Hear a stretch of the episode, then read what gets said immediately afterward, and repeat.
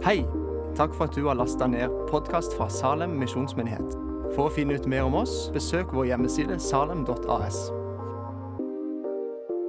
Jeg husker veldig godt den dagen jeg begynte som student på Ansgarskolen. Det var en tirsdag i august 1994. Så det er jo noen uker siden. Som Ingunn sa, så heter jeg Øyvind Skjegstad, og jeg jobber på høyskolen. Og at eh, den dagen jeg begynte på skolen, skulle føre til at jeg står her i dag, ja, det har i hvert fall ikke jeg tenkt ut. Jeg husker egentlig ikke noe særlig av skolestarten, men jeg husker den dagen veldig godt. Sånn eh, Midt på natta en gang så reiste jeg og Marianne som er gift med, hjemmefra ned til Kristiansand sykehus. og sånn Omtrent klokka fire om morgenen da ble vår eldste sønn først født. Og når det liksom var over og ferdig på sykehuset, så sa jo ja, de der på sykehuset hadde jo en forventning om at jeg skulle gå hjem. Kan ikke gå hjem. Alt jeg har, er jo her. Så da jordmor hun redde opp noen dyner og puter, og så sov jeg overnatta i den fødestolen som han hadde brukt den natta. Og så fant vi det der nurket som da var blitt en del av familien. Og så gikk jeg ut på Ansgarskolen, og så ble jeg visst eh, student. Det husker jeg ingenting av. Og så vendte jeg tilbake på sykehuset.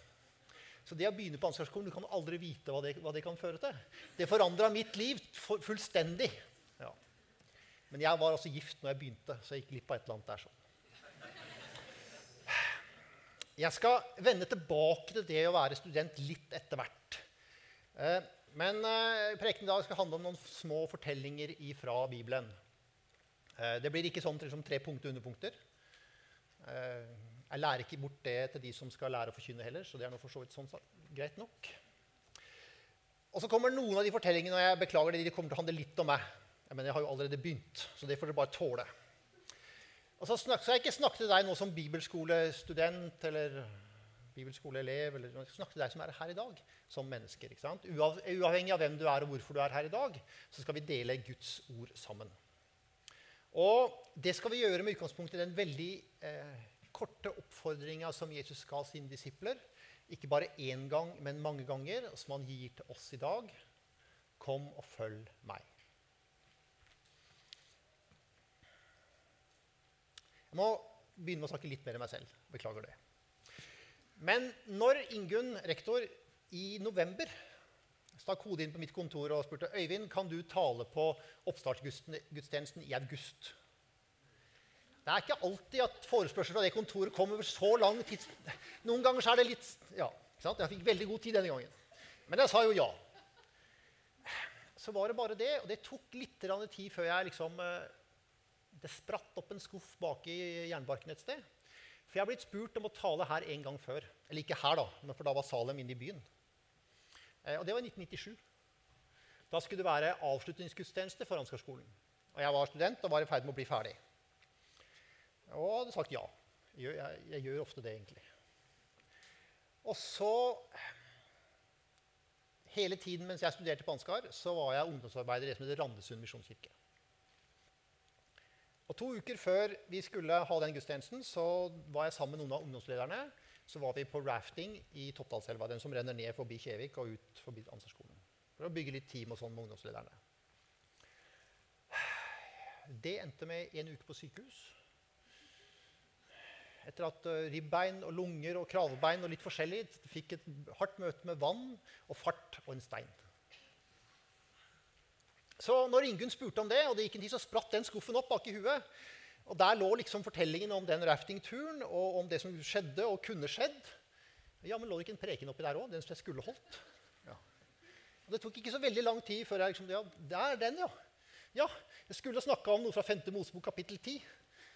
Om Gud som uh, henter Moses opp på fjellet for å lage steintavler en gang til. Moses hadde jo knust de første.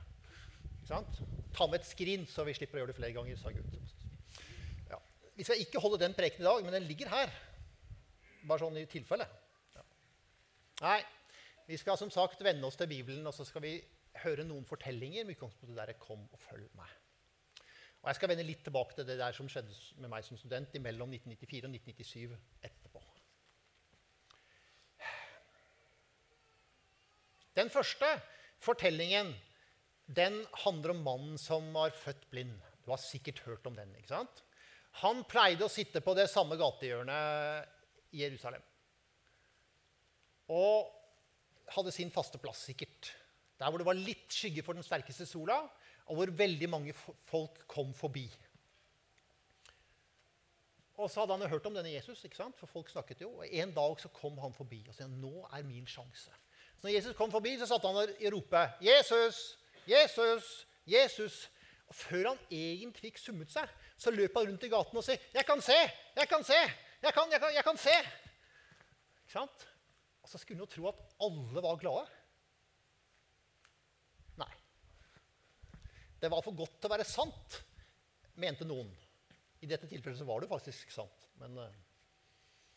Så han ble kalt inn til forhør. Han ble mistenkeliggjort. Han opplevde til og med at foreldrene hans tok avstand fra ham. Og når han prøvde liksom å forsvare seg, så var det liksom et tupp i rumpa og på huet ut. Tilbake på gata der han egentlig kom fra. Og så kommer Jesus og møter ham liksom på ny. Og så er Jesus spørsmål tror du på menneskesønnen. Og så svarer han ja, jeg tror Herre. Så fikk han jo liksom fra dag én erfare at det å følge Jesus, det, det har en pris å betale. Ja. Den andre fortellingen som jeg tenker handler om dette, den er fra litt tidligere i Johannes evangeliet. Den handler om Nikodemus. De fleste her har hørt om han også. ikke sant? Han som kom om natta. Ja. Som var en rådsherre. Altså Han var en sosial, og politisk og religiøs leder. Han kommer antakeligvis om natta for å få litt fred. ikke sant? Kanskje for han, var han litt flau for dette, det vet vi ikke, men han var i hvert fall der om natta. Jesus var ikke trøtt. Det står i hvert fall ikke at han var det. Du må bli født på ny, sier Jesus. Ja, men det går jo ikke an. Jeg er jo gammel, jeg kan ikke bli født på ny. Sant? Og så stiller han et motspørsmål som helt sikkert er for å forsvare seg. for å, Ja, men, ja, men, ja. Ja, sant? Hvor mange jammen-spørsmål hadde han? Og så tar Jesus han med i en liten undervisning. Underveis i den undervisningen så får vi det veldig kjente verset For så høyt har Gud elsket verden, at han ga sin sønn den eneste. For at hver den som tror på ham, ikke skal få fortapt, men ha evig liv. Og så var det det Jesus hadde å tilby. Og så står det ikke så mye om hva som skjedde da, men vi kan plukke opp igjen fortellingen om Nikodemus helt til slutten av evangeliet. Jesus er død og skal bli gravlagt. Så står det altså, også Nikodemus var der. Han hadde med seg salve og olje. Fordi han hadde underveis kommet til det at okay, denne mannen må jeg følge. Denne mannen må jeg ta på alvor. Den tredje fortellingen fra Johannes-evangeliet som jeg tenker handler om dette, den begynner med en gruppe unge menn som sitter på en litt sånn slak åsbakke ned mot sjøen. Det ser veldig fint ut. Det ser idyllisk ut, men hvis du ser etter, så ser det ut som de har kjøpt katta i sekken alle sammen. Minst. Ja. Så er det en av de som sier eh, 'Jeg går og fisker'. Peter heter han. Etter hvert så blir de andre med. Det var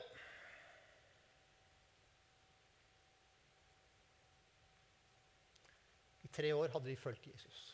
Sett det ene mirakelet større enn det andre. Fått undervisning si, med og uten lignelser. Jesus hadde forklart dem og fortalt dem hva som skulle skje. Så plutselig så var det der. Og så svikta de alle. Peter mest. Vi kan denne historien. Men så hadde jo Jesus stått opp. Og det var jo helt utrolig. Kanskje litt for utrolig. Altså, Det var bare ikke det samme nå. En ting var at Jesus hadde sagt han skulle være med dem, men nå kom han liksom bare gjennom veggen og forsvant igjen. og Det var jo ikke det samme som å gå sammen med Jesus som det var før. Så jeg går og fisker. Det var neppe litt sånn vi går og slenger litt med stanga. ikke sant? Nei. Dette med Jesus var bare så fantastisk, men nå er det jo slutt. Jeg går tilbake til der jeg egentlig kom fra. Jeg tar opp mitt gamle yrke. Jeg. Så er mange av dere vet hvordan det gikk. Så fiska de hele natta, så fikk de ingenting. Om morgenen så står Jesus på stranda og sier han, kast garn ut på høyre side. Så fikk de mer i fisk enn de kunne makte. ikke sant? Så forteller man at Peter skjønte oi, det er jo virkelig Jesus. Kasta seg inn, la på svøm, kom inn. ikke sant? Og så skjønner de at her er et awkward moment hvor, hvor Peter, som jo virkelig har svikta, virkelig står til ansikt annet med Jesus. ikke sant? Og så inviterer Jesus på mat. Kom og ha fellesskap med meg, sier han. ikke sant? Ja. Og så vet dere at uh, Jesus spør Peter tre ganger 'Elsker du meg?' Fordi Peter hadde svikta tre ganger. Og Litt lenger ned så, så, så sier Jesus seinere i ditt liv så skal noen binde belte om hendene dine og ta deg bort. Altså, du kommer til å betale en pris for dette. Så spør Jesus på nytt. Kom og følg meg.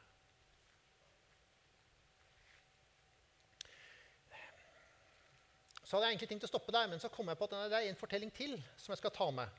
Og Den er sånn strengt tatt ikke fra Johannes-evangeliet, men den er fra evangeliene.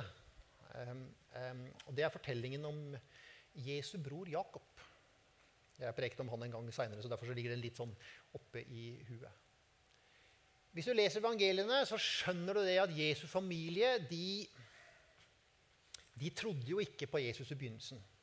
Ikke sikkert at disse brødrene tok det der med jomfrufødsel for god fisk. Gud til far? Ja, særlig. Men det står jo Maria i sånn Jesu mor at hun gjemte disse tingene i sitt hjerte. Det som ble sagt om han i begynnelsen. Og når vi kommer til korsfestelsen, så står Jesu mor her sammen med disippelen Johannes. Og så er det tydelig at hun har kommet til tro. Hun har blitt overbevist om dette. Om hvem min sønn virkelig er. Men vi vet ikke åssen det er med resten av familien. Men det vi vet at når vi tar 50 dager fra det til pinse og leser pinsefortellingen, så står det om at Jakob er med. Etter meg, et eller annet sted underveis der har han skjønt at fella er Han der broren min. Det var ikke bare noe han sa. Det var ikke bare noe han maste om. Han er virkelig Messias. Ja. Og så leser, Hvis vi følger fortellingen om Jakob gjennom eh, apostelens gjerninger, så skjønner vi at han etter hvert blir en leder. Han blir en av kirkens eh, viktigste ledere. Jerusalems første biskop har han fått tittelen av kirkehistorikerne. Når Paulus kommer til Jerusalem, kan lese i Apostelens gjerning kapittel 15, og de skal liksom diskutere det her Disse her er hedningene, altså sånne som oss. Kan de bli frelst, eller må de omskjæres? Så er det Jakob og Paulus som fører ordet og diskuterer, og Jakob som til slutt tar ordet og nei. Evangeliet er for alle. Det er fritt. Så skriver Jakob sannsynligvis et lite brev som vi kan lese i Apostelens gjerning, som blir sendt ut til alle om at du trenger ikke å bli omskjært. Flaks for oss. Og når, når, Paulus helt på slutten av sitt liv kommer til Jerusalem for siste gang, før han blir arrestert, og sånn, så besøker han de eldste, Jakob, kirkens leder, og de andre. Ja. Og så vet vi at i år 62 så blir Jakob, Jesu bu, arrestert. Han blir eh, de avkrever at han liksom skal frasi seg denne nye troa. Og, og Kirkehistorikeren forteller at han modig og stolt forkynner at Jesus Kristus han er Guds sønn og Messias. Så betaler han den ultimate pris for det ikke sant? ved å bli martyr. Ja. Så et eller annet sted underveis der så hadde han tatt opp denne utfordringen. Og så kostet det ganske mye. Som jeg sa, så begynte jeg altså på Ansgar i 1994. 1997, Da var jeg i hvert fall sånn tålelig ferdig ja, Ikke med studiene, men på Ansgar. Jeg studerte til 2001 eller noe. Det tok lang tid. Og Det å studere teologi har egentlig for meg vært en serie med sånne spørsmål fra Jesus. Følg meg. Eller vil du følge meg nå? Eller skal du fortsette å følge meg? Altså, Jeg kom inn i kristenliv og kristen tro og sånn som tenåring. Uh, og, så, og da, da var nok ikke det der å ha et ekte, sant, levende kristenliv og det å studere teologi nødvendigvis to sider av samme, snak, samme sak? Nei, kanskje litt snarere tvert imot, egentlig. Ja, I begynnelsen. Etter hvert så fikk vi jo liksom arbeida litt med det. Og når jeg da fikk det der utfordringa 'Vil du tjene meg?', eh, så sa jeg ja. Så sa jeg på en jobb, og så begynte jeg på ansgarskolen. Og så seks, syv, åtte år med, med, studier det er klart det, det forandra både det ene og det andre. Så når du begynner å studere nå, du vet aldri hvor du ender. Jeg endte opp her. Det hadde i hvert fall ikke jeg tenkt. Og det utfordra mange av de tinga som jeg hadde med meg. som jeg tenkte, Og flere ganger og underveis så kom det spørsmålet ok, vil du følge meg. Ja. Så når Jesus spurte disiplene der, liksom, når de, de, som ble disipler, vil du følge meg, så sa de ja. Og så måtte de bekrefte og gjenta det flere ganger. Og det tenker jeg gjelder i våre liv også. Stadig vekk så må vi gjenta det. Vil du følge meg? Nå er jeg jo overbevist om at eh, jeg har bare enda mer å tro på enn jeg hadde når jeg begynte å studere teologi for lenger siden. 25 år siden. Ja. I går så begynte mitt, min yngste datter på Ansgarskolen. Det er litt kult.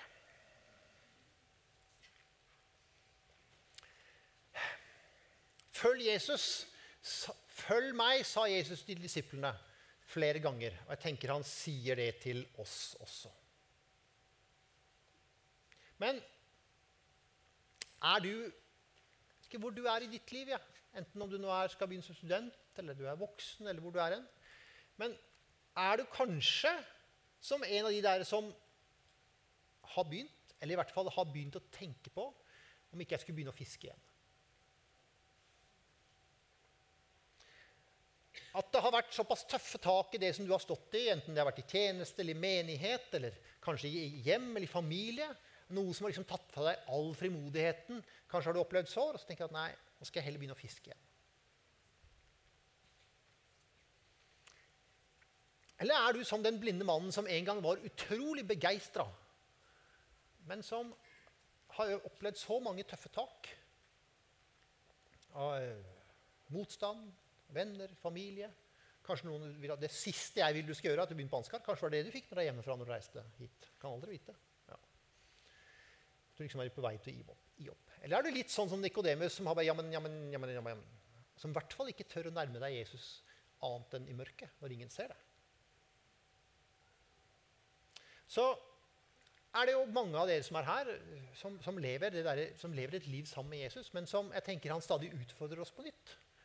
Ja, jeg ikke vi kommer til det punktet hvor Jakob var, på i neste uke. Men at vi kan oppleve store utfordringer og tøffe tak, det kan vi. Og da ligger det spørsmålet okay, vil du følge meg nå. Vil du følge meg i dag? Vil du følge meg når ting akkurat nå er litt tøft? Ja. Se, jeg står for døren og banker. Om noen hører min røst og åpner døren, vil jeg gå inn til han å holde måltid. Jeg med han og han med meg, er hilsen fra Jesus i Johannes' åpenbaring. Og det er den, den der invitasjonen til at Kom og vær hos meg. Kom og ha fellesskap med meg. Ja. Og så fortsetter det. Den som seirer, vil jeg la sitte sammen med meg på min trone, slik jeg selv har seiret. Og Det er på en måte den ultimate belønningen. Det som Jesus gjorde. Det som han gjør, er å gjøre klart for det som kommer en gang for oss. Underveis så er han, hans oppfordring 'følg meg'. Hvis jeg får muligheten, så pleier jeg alltid å prøve å sitere min veldig gode venn Jack Lewis. Ja, C.S. Lewis heter han egentlig, men venner kalte han alltid for Jack.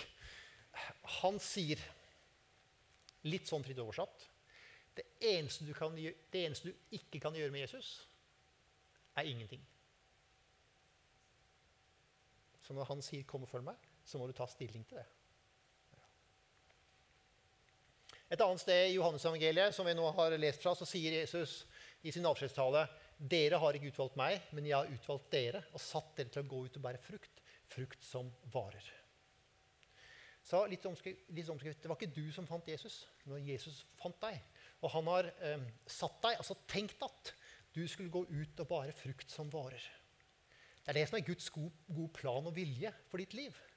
Det er det som er det åket som Jesus har lyst til å gi til oss. Det er det som er det beste for oss. Det er ikke gratis. Det vil ha sin pris, men det er likevel det beste for oss. Så Jesus møtte den der blinde mannen som var kasta ut pga. hans bekjennelse, og reiste han opp. Han møtte sine disipler som var i ferd med å gi opp alt, med et måltid. Han møtte Nikodemus selv om han kom om natta og hadde mange spørsmål. og tok han imot. Så han har omsorg for hver og en av oss. Og så gav han alt, og så spør han nå deg og meg vil du følge Det eneste du ikke kan gjøre med Jesus, er ingenting. Hva vil du gjøre? Vi ber sammen til slutt. Jesus, jeg takker deg for at uh, du møter alle mennesker der hvor den enkelte av oss er. Og jeg takker deg for at du kjenner våre liv, vi som er her i dag. Og du vet hvilke ting vi står i og ikke står i. Hva vi har opplevd og ikke opplevd, og hva vi har med oss. Og så sier du til hver og en, kom og følg meg. I dag. Jesus og jeg vil det. Så vil jeg bare at vi skal gi alle, alle, alle, som vil, kan få den muligheten her til å si det. Kom sier du, for alt er ferdig. Amen.